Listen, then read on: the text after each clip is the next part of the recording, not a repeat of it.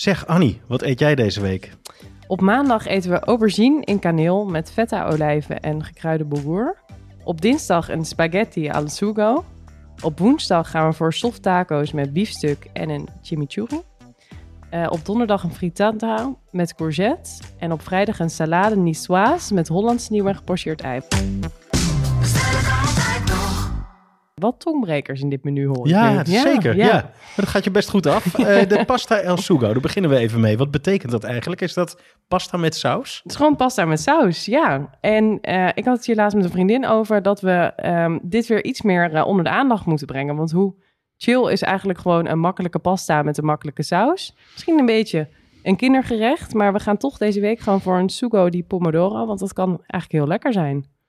Um, ik vind het uh, heel zomers. We hebben het volgens mij vorig jaar voor de pasta podcast van Wat Schaf de podcast toen gemaakt. Weet ik nog. En gegeten ook buiten in de zon. Gewoon een grote schaal waar je uh, spaghetti met een lekkere saus bij doet van goede kwaliteit. Uh, tomaten, olijfolie, knoflook, klein beetje chili, basilicum, ja, heerlijk. Komt echt op de producten aan de, natuurlijk. Hè? En dan op uh, donderdag de frittata met courgette. Waarom heb je deze in het menu gezet?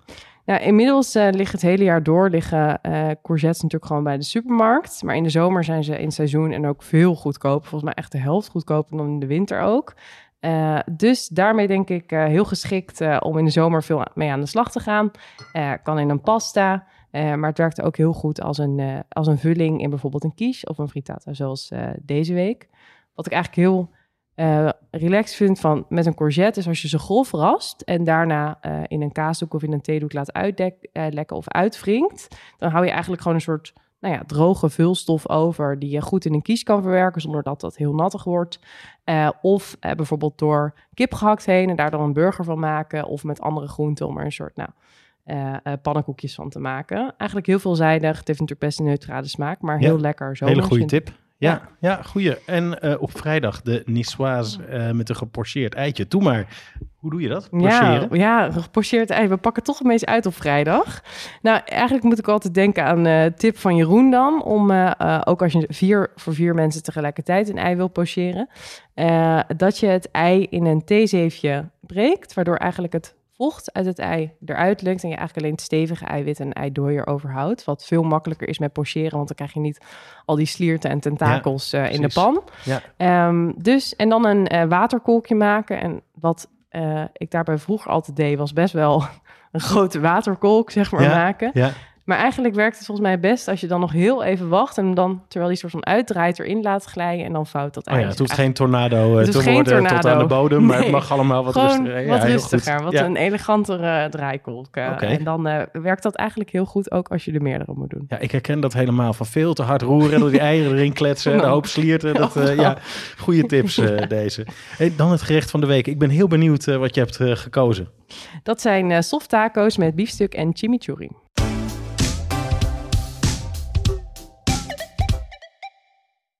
Jam en tamarindepasta, carnaroli rijst en de juiste tahini, yuzu sap en panko. Moeilijk te vinden, zelfs als je een goede speciaalzaak in de buurt hebt. Daarom zijn we heel blij met onze partner Pimenton.be, de webshop voor foodies en hobbycooks. Die bezorgen vanuit België in de hele Benelux voor maar 3,95 euro. Ga naar pimenton.be om te bestellen. De taco's met biefstuk en uh, chimichurri, de soft taco's moet ik zeggen. Vertel eens, uh, uit welke onderdelen bestaat dit uh, gerecht als je het maakt? Ja, nou dat begint dus met inderdaad soft taco's. En dat zijn van die kleine tortillas in dit geval, van die bloemtortillas. En niet van die chips schelpen, zeg maar, die gelijk breken. Dus het zijn echt, nou ja, wraps, om maar even zo te zeggen. Ja. en daarbij komt een salade van witte kool en komkommer uh, kan je ook eventueel nog met uh, uh, geraspte wortel doen. Vind ik zelf altijd lekker om daar nog bij te doen. En ik zag laatst ook bij de supermarkt dat je dus een soort voorgemixte wortelkoolzak hebt. Ja, als je niet... weinig tijd hebt. Ja. ja. en ik ben niet zo van de voorgesneden groenten. Maar anders als je dit voor bijvoorbeeld voor twee of voor vier personen maakt... zit je anders met heel veel geraste wortel en heel veel geraste kool. Dus Ja. die mix is in de categorie eh, no waste. En vind ik ook een goede optie. Ja, goede shortcut. Ja, Goede shortcut voor door de weeks. Ehm, dus je hebt de taco, dan die salade en daarop komen plakjes eh, gebakken biefstuk. En dan daaroverheen komt dus je chimichurri, bosuitjes en koriander. en dan die, die chimichurri. Hè? We hebben wel eens eerder een aflevering over, eh, over taco's gemaakt. Daar kwam de chimichurri eh, niet in voor. Eh, eh, hoort hij er eigenlijk bij? Nee, nee ja, niet per se eigenlijk. Want een, eh, een taco is een eh, Mexicaans gerecht. En chimichurri is een saus die wel uit Zuid-Amerika komt. Eh, wordt vooral eh, veel in Argentinië ook bijvoorbeeld gegeten... bij echt grote stukken gegrild vlees. Ehm, eh, Argentinië claimt volgens mij ook dat het soort van hun nationale product is, die saus. Eh, maar wordt in heel veel eh, Zuid-Amerikaanse landen wordt dat gegeten.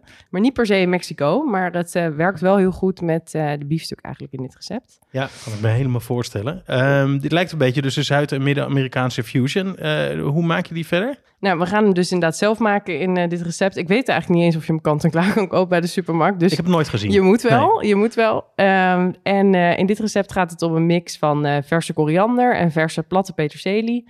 Eh, een chilipeper gaat erin voor wat pit. Kan je zelf kiezen of je de zaden en de zaadlijsten erin laat of er eh, uithaalt. Mhm. Knoflook, olijfolie en eh, azijn, zout en peper. En dan doe je allemaal heel makkelijk gewoon in dat kleine bakje... wat bij sommige staafmixers komt, met dat mesje erin, zo'n Ja, mini keukenmachine. ja, ja. En dan nou, je het eigenlijk zo in elkaar. Als je dat niet hebt, kan het ook gewoon in een beker of in een hoge beker of in een bak met een staafmixer. Het kan misschien ook wel met een vijzel, maar ik denk al dit eh, een stukje sneller is. Ja, en dan zelf een beetje bepalen hoe grof je hem eh, wilt, Ja. eh, wilt hebben. Ja, ja zeker. dan hebben we die chimichurri saus klaarstaan. Hoe doe je de rest van het recept? Je maakt inderdaad eerst de chimichurri, die kan je dan gewoon apart zetten. En daarna bak je eigenlijk de biefstuk.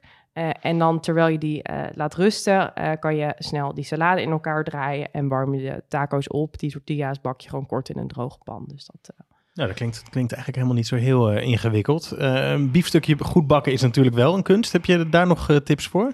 Ja, dat vind ik altijd heel lastig. Ik google het Ja. ook nog wel eens. Maar goed, de ene biefstuk is de andere niet. En ehm, wat eigenlijk gewoon het makkelijkste is, is een kernthermometer. Maar goed, ehm, er is ook een, een techniek waar je zeg maar op het vlees kan drukken en kan voelen Ja. hoe gaar het is. Ik vind dat zelf altijd een beetje ingewikkeld. Ja, dus, Dus- met je duim en wijsvinger geloof ik dan. Hè? Precies. En dan het eh, gedeelte onder je duim, dat geeft dan aan... Aan eh, hoe... Ja, eh, en hoe, hoe- verder je de duim naar je pink beweegt, hoe steviger het eh, Precies. vlees, hè? Ja, precies. Precies, dus dat is een soort... Ja. duim- nou, dat, ik vind dat altijd best ingewikkeld. Dus als je een Ja. kernthermometer hebt, ga voor de kernthermometer. Eh, maar ehm, als je biefstukje bij de supermarkt koopt, staat er vaak ook wel... dat zijn best wel gelijke stukken bij benadering op hoe je hem kan bakken. Ja, dus, precies. eh, Ja.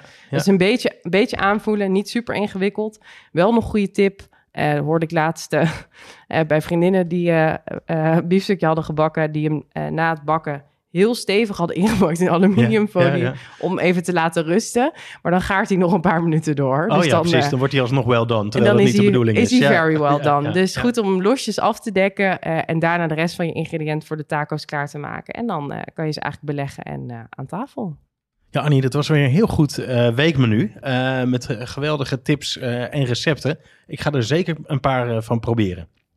Het hele menu met links naar de recepten staat in de omschrijving van je podcast-app.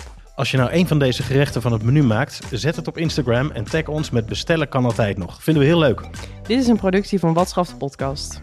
Volgende week zijn we er weer met een nieuw menu en een weekgerecht. Tot volgende week, want ook dan geldt bestellen kan altijd nog.